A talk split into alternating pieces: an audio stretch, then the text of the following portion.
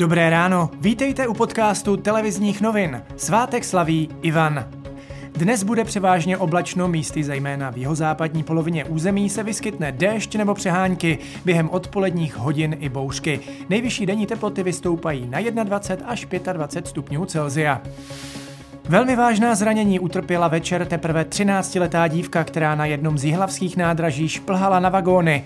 Z trolejí přeskočil silný elektrický náboj, který ji zasáhl. Na místo přijeli policisté a hasiči, přistával zde i záchranářský vrtulník. Ten zraněnou dívku transportoval na brněnskou popáleninovou kliniku. Lidé přestávají nosit roušky a hygienické stanice nestíhají vyřizovat přestupky kvůli nedodržování opatření. Tato povinnost by měla přitom skončit až příští středu.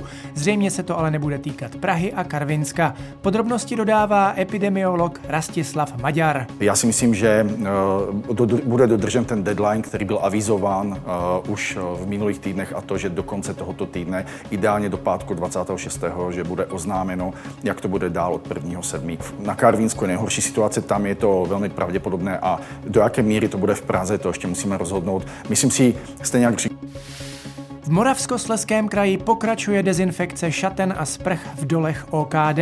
Probíhat bude až do pátku. Více mluvčí společnosti Nadia Chatová. Budovy se musí nejdříve vyklidit a utěsnit, pak následuje samotná eh, dezinfekce eh, s tím, že následně probíhá odvětrání a zpřístupnění prostor.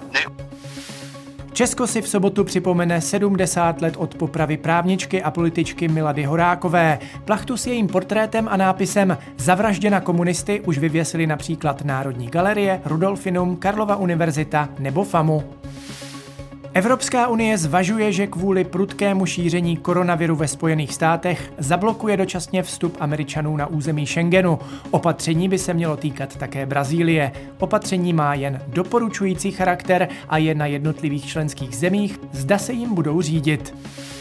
Fotbalisté Slávie jsou po 20. mistrem ligy. Obhajobu titulu si zajistili poté, co porazili v Edenu Plzeň 1-0. O vítěznou trefu se postaral v 69. minutě Petr Ševčík. Sešívaní rozhodli o titulu tři kola před koncem nadstavbové části. To je z dnešního podcastu vše. Mějte fajn den.